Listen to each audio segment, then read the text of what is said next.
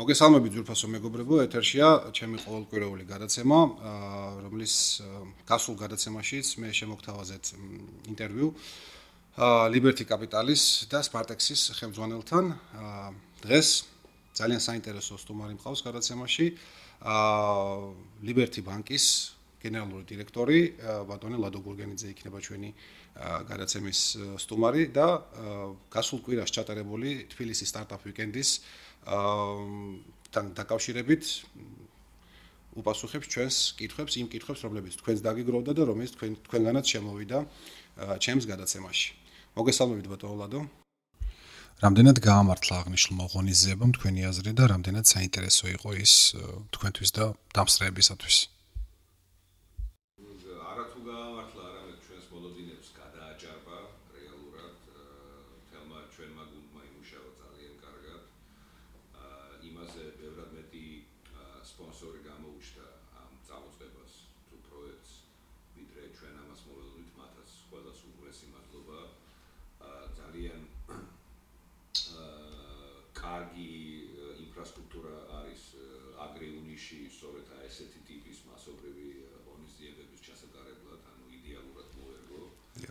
ფორმატს, მათ ინფრასტრუქტურა და მათაც ძალიან დიდი მადლობა. და ნუ რა თქმა უნდა თვითონ მონაწილეებმაც აა ვთქვათ პოლიტიკებს გადააჭარბეს როგორც თავისი ვთქვათ აქტიურობით და ჩართულობით იმაზე რეალურად ბევრად მეტი აა გუნდი შედგა და მიიღო ამაში მონაწილეობა ვიდრე ჩვენ აა ველობით და ნუ რაოდენობასთან ერთად ხარისხის საკმაოდ მაღალი იყო ამიტომ ყველა პუნქტის მიხედვით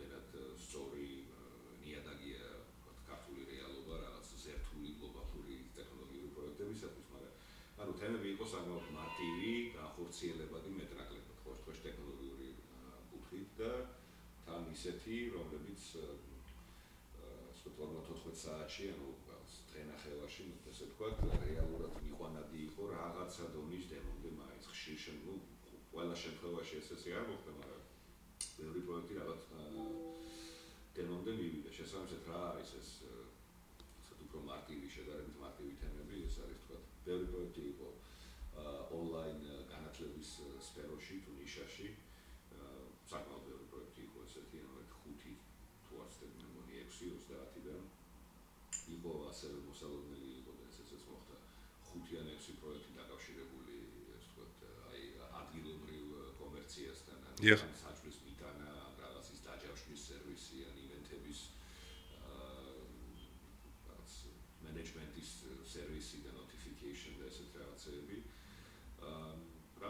პრინციპში რა პროფილებითაც ველოდით დიახ დიახ. დიდი სურპრიზები არ ყოფილა გასაგებია აა ეხლა მაინტერესებს ესეთი შეკითხვა. როგორ მოხდება გამოჯობულ პროექტებთან შემდგომი ურთიერთობა? თქვა იურიდიული პირები ჩამოყალიბდება თითოეული მათგანისთვის. თუ უკვე არსებულ თქვენს იმ პულში, იმ კომპანიების პულში, რომლებიც უკვე გაქვთ, რაღაცნაირად მოხდება მათი შეერწყმა ან რაღაც გაერთიანება. კარგი კითხვაა. ანუ ჩვენ სტარტაპ ვიკენდის პაილოტად ფაქტიურად ვატარებთ ასევე კრაუდფანდინგის პირველ ექსპერიმენტს საქართველოში. ანუ ის რამდენიმე პროექტი, თქვა, ვისთანაც რომელიც ჩვენს გვაინტერესებს და შეთანხმება შედგება, ისინი დაფინანსდებიან სწორედ კრაუდფანდინგის ფორმატში. ანუ ეს ნიშნავს იმას, რომ ჩვენ ჩამოვაყალიბეთ ცალკე მდგომი შეფოს, ანუ სწორედ აი ამისთვის გამიზნული, რომელშიც ნებისმიერ სურვილს შეუძლია აქციების შეძენა. აა რა თქმა უნდა, ყველა ერთ ფასად შეიძენს აქციებს, ანუ მანდ არანაირი დისკრიმინაცია არ იქნება. აა მათ შორის მეც განვაცხადე უკვე რომ მეც ჩავდებ და უშუალოდ აა და შედეგად ამისა მივიღებთ ასე ვთქვათ ეს სულ ახალ შექმნილ შეფოსოს სადაც იქნება ფულის კეშის გარკვეული რაოდენობა და იმ გუნდებთან რომელთა პროექტები რეალურად განხორციელებადია როგორც ცალკე მდგომი პროექტები ეს შეფოსა დაამყარებს ასე ვთქვათ იურიდიულ ურთიერთობას ეს კრაუდფანდინგ შეფოსა და გახდება მათი აქციონერი მათი დაარსებული კომპანიების აქციონერი ხო, ყველა პროექტი ამ ფორმატით განხორციელებადი, რა თქმა უნდა, არ არის. თეორიული მაქსიმუმი არის ალბათ 8 პროექტი, რომელიც შეიძლება მართლა ეს stand-alone, ანუ ცალკე მდგომ პროექტად თეორიულად განვიხილოთ. ეს ვიკენდი ძალიან სასარგებლო იყო ამ გუნდების და მათი იდეების გაცნობისათვის და ამ კუთხით და გარდა ამისა ну თვალსაჩინო აშკარაა რომ ამ ახალგაზრდებმაც ბევრი ისწავლეს ჩვენი კოუჩებისგან და ალბათ ჟურისგანაც ნაწილობრივ იმ გაგებით რომ ვთქვათ რეალიზმის ბევრი ელემენტი მათ გათვლებში გეგმებში და ვთქვათ სამოლო პერსპექტივაში ალბათ გაჩნდა თუმცა ეს დიალოგი შემდეგი რამდენიმე კვირის მანძილზე უნდა შედგეს. ну რეალისტები რომ ვიყოთ ალბათ მაღალი ალბათობა რომ საბოლოო ჯამში თქვა 3, 4 ან 5 პროექტი დაფინანსდება ესეთ crowdfunding-ის ფორმატით, რაც მე მგონი ძალიან კარგია პირველი წლისათვის და პირველი ესეთი წლისათვის და ну რაც მეტი ასე ვთქვათ ადამიანი მიიღებს ამაში მონაწილეობას როგორც დაფინანსებელი ანუ როგორც აი ამ სპეციალურად შექმნილი შიფოსის აქციონერი მით უკეთესი იქნება. ჩვენ შეგნებულად Smartex-ი არ ვუწევთ მონოპოლიზაციას ამ თემას და ამ პროექტების დაფინანსებას, ასე ვთქვათ, მთლიანად ჩვენ თავზე არ ვიღებთ, სწორედ მაგიტომ, რომ ეს ჩართულობა ხალხის ამ სფეროსთან დაახლოებული ხალხის ან ისე ვთქვათ, ვისაც ინტერესი აქვს და რაღაცა ეს მე მგონი კარგია და დამატებით ბიცკს მიცემს აი ამ ეკონომიკის ინოვაციურ სექტორს საქართველოში. შვენიერი წლის ბოლომდე გაგრძელდება crowdfunding-ში დაინტერესებული პირების, ასე ვთქვათ, აი ამ შეფასებაში გაწევრიანების პროცესი. არსებობს ლინკი smartexj/crowdfunding, სადაც მათ შეუძლიათ ასე ვთქვათ დეტალური ინფორმაციის, საბაზისო ინფორმაცია ისოს ჭირდება თანხებზე მიიღონ, ან შეუძლიათ დაგვიკავშირდნენ ჩვენ ნებისმიერი სხვა ფორმით, თუნდაც Facebook-ით, თუნდაც აი startup weekend-ის Facebook გვერდით. და მათ ყველა კითხვაზე გავცემთ პასუხს. შვენიერი. ეხლა ცოტა ისეთი შეკითხვა მაქვს სტარტაპ ვიკენდის მიმდინარეობის პერიოდში შემოვიდა გარკვეული უბრალოდ გაჩნდა გარკვეული ეჭვები და ცოტა ნეგატიური გამოხმაურებაც ჰქონდა. კერძოდ საუბარია იმაზე რომ გარკვეულმა ჯგუფმა ადამიანებისა გამოთქვა ეჭვი რომ 51% დაუშვათ მონაწილეობა ასეთ საწყის ეტაპზე ვთქვათ არ არის მაინც გამართლებული და სწორი მიმართულება თქვა საინვესტიციო კომპანიის მხრიდან. აი ამ საკითხთან დაკავშირებით ნუ იცით რა, ჯერეგეთი დავიწყოთ იქიდან რომ შეიძლება ეს იყოს 51%-ით, 60-ით, 70-ით და 80-ით თეორიულად. დიახ. თეორიულად ასევე შეიძლება იყოს 40-ით და 30-ით, მაგრამ ასე ვთქვათ, აქ მნიშვნელოვანი არის ქართული რეალობის გათვალისწინება, ხო? ანუ ახლა ჩვენ თუ ამ სექტორში უკვე არსებულ პატარა სტარტაპ კომპანიებში, მაგრამ განსხვავებით აი ამ ვიკენდზე წარმოქმნილი პროექტებისგან რეალურად კომპანიებში, რომლებსაც უკვე ვებსაიტიც აქვს, ან დემო სტადიაზე კი არა, რაღაცა კლიენტურაც ხავთ, რაღაცა შემოსავალიც აქვს, ჩვენ თუ ახლა მთელი წლის მანძილზე ჩვენთვის საინტერესო ესეთ კომპანიებში და ჩვენ საკმაოდ ჭირვებული ინვესტორი ვარ, ან ესე არ ხდება რომ ჩვენ რაღაც ჟარგონული სიტყვა რო უპრაგონოთ ყველაფერში. ხო და აი ესეთ უკვე არსებულ, ანუ რეალურად აი რამდენიმე ნაბიჯი და მინიმუმ რამდენიმე თვით უფრო წინწაწეულ ბიზნესებში თუ 60-70% ის თქო 10 და 15000 ლარად მიიღწევა საინტერესო ნიშებში, პერსპექტიულ ნიშებში საქართველოში. ხო, ნუ გაუმართლებელია ჩემი აზრით ვიღაცის თქვა ვარაუდი, ან ვინმეს ვარაუდი, რომ აი დღენახევარში ჯერჯერობით ჩამოყალიბებულ იდეაში, რომელსაც მე ნუ ძალიან ბევრი აკლია განხორციელებამდე, თქვა შეიძლება ვიღაცამ ბევრად მეტი გადაიხადოს. სან-ფრანცისკოში და სილიკონ ველიში ალბათ კი და ნუ ბევრი ადგილას, მაგრამ და ეს ამ მიდგომის სისწორე და ამ რეალიზმის საჭიროება ასევე ცხადყო. მე მგონი ერთმა ძალიან მარტივმა რაღაცამ. ანუ ჟური აი უცილობლად ყველა პროექტს ფინალში გასულს და მანამდე არა მარტო საკვალიფიკაციო რაუნდშიც ასე ვთქვათ ეკითხებოდა ერთ სტანდარტულ საკმაოდ მარტივ კითხვას. კარგ შემთხვევაში აა თუ და ჩავთვალოთ რომ ყველაფერი გამოგივიდათ, რაც უნდა გამოგივიდეთ, აი 6 თვეში. ანუ უკვე გაშვებულ და დასტაბილიზებულ მეტნაკლებად პროექტს. რამდენი უნიკალური ვიზიტორი გეყოლებათ? ნუ თუ ეს იყო სპეციფიკა ბიზნესის თქვა ყოველდღიური და აი ყოველ თვიური იმ მომენტისათვის შემოსავალი რა იქნება და ნუ შესაბამისად მე ამას იქვე ადგილზე მონაწილეებთან ერთად ვადარებით ხარჯებს, მიმდინარე ხარჯებს, ვადარებით კაპიტალურ დანახარჯებს, რასაც მათი აზრით ეს პროექტი საჭიროებდა, რომ აი ამ რაღაცა 6 თვის შემდეგ სტადიამდე მისულიყო და ასე შემდეგ და ანუ აა ნუ რომ გამოვრიცხოთ ის პროექტები, რომლებიც ყოვლად არარეალისტურ ციფრებს ასახელებენ და ისინი ფინალში ვერ გადავიდნენ. აა ჩემდა გასაკვირად, ასე ვთქვათ, ფინალის პროექტებს საკმაოდ რეალისტური წარმოდგენა ჰქონდათ ამ ამ ყველაფერზე, უფრო პესიმისტურიც კი და აი დიაპაზონი სახელდებოდა აი თვეში 2000-დან 5000 ლარამდე შემოსავალი. რასაც შევახსენებ თქვენს მსმენელს, ანუ მიმდინარე ხარჯები უნდა დააკეთოს პირველ რიგში. მე იმ სტადიამდე მისასვლელად საჭირო კაპიტალური, ანუ დანახარჯი, ანუ საწყისი ინვესტიცია და ახლა ვთქვათ, ვისაც რა ვიცი, თუნდაც მაგისტრატურის დონეზე, ანუ უნივერსიტეტის დონეზე მაინც ბიზნეს შეფასებასთან ქონია საქმე, აი ამ ციფრების ერთობლიობით საკმაოდ მარტივ დასმას გამოიტანს, რომ თუმე ეს ობიექტური რეალობა ესეთი კომპანიების დღესდღეობით საქართველოსში აი ამ ამ რიგად შეფასებისა თურმე თქოსთან ახლოებს. ასე გებია. მოდი დაუბრუნდეთ გუშინელი დღის მოვლენებს. შესარჩევი ტური, რომელთაც უკვე ის 10 ფინალისტი უნდა გამოვლენილიყო.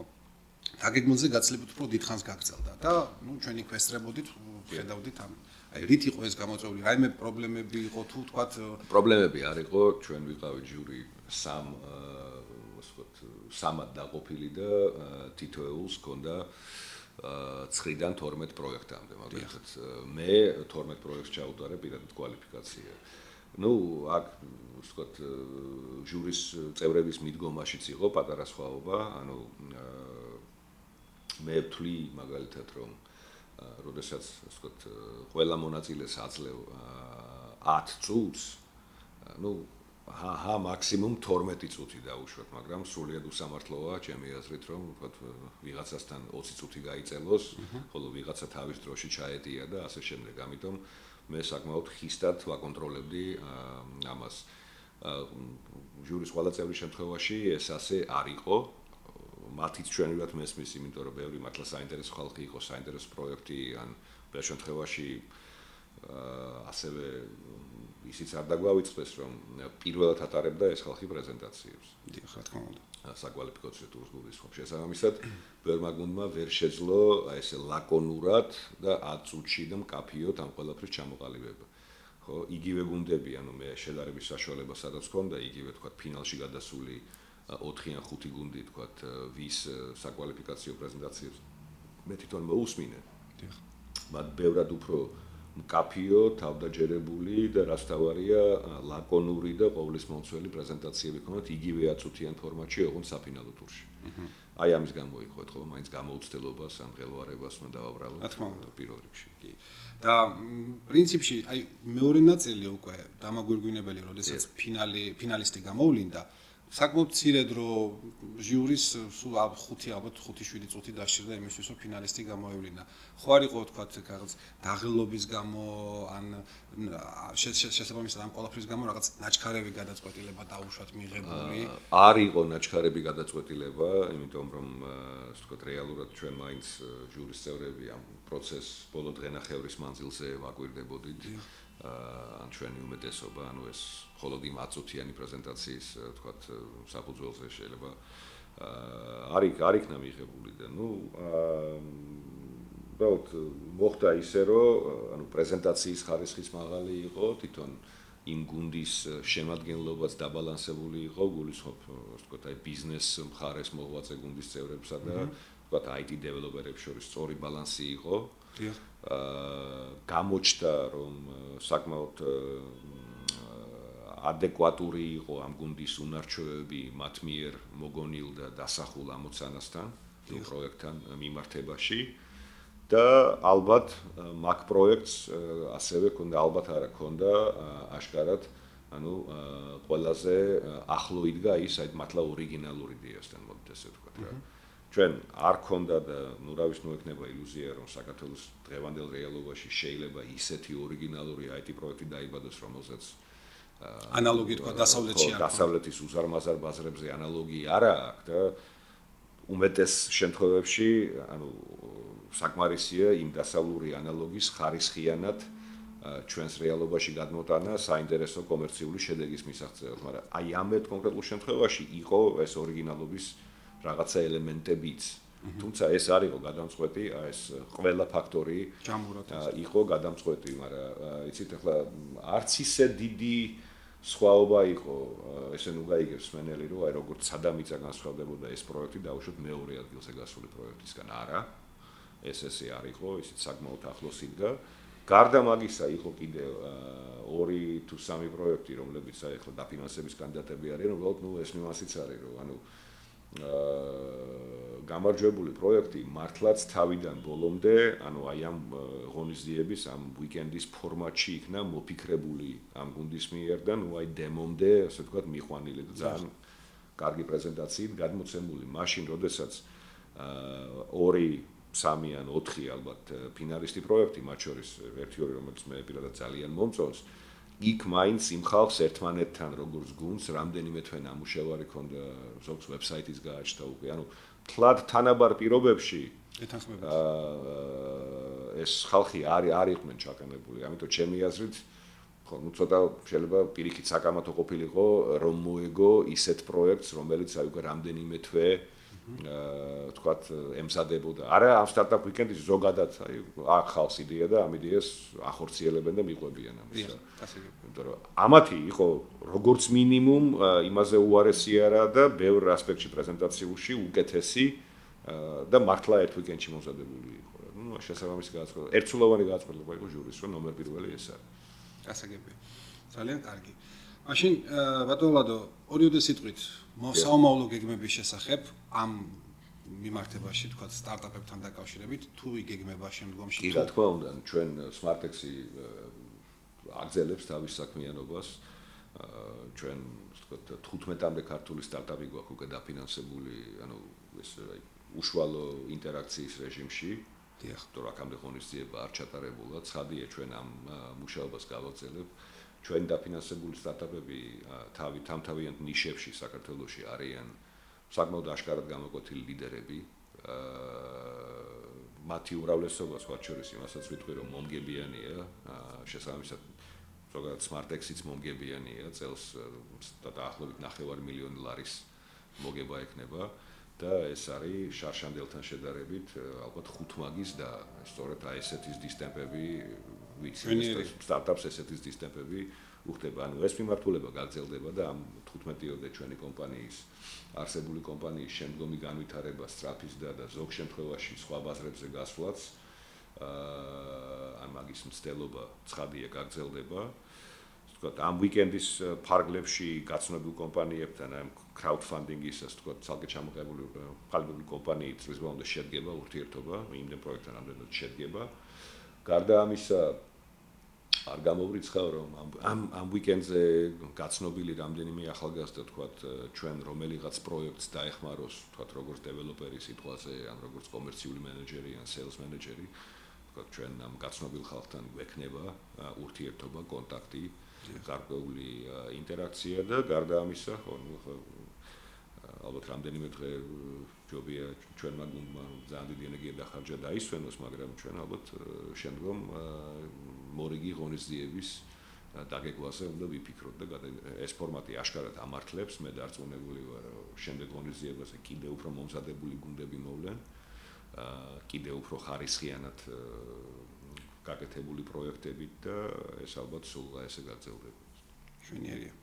ძალიან დიდი მადლობა მინდა გითხრათ დღევანდელ გადაცემაში მონაწილეობის მიღებისათვის და მინდა წარმატებები გისურვოთ თქვენ და აი ამ წამოწყებას. დიდი მადლობა თქვენ და თქვენს მენელებს.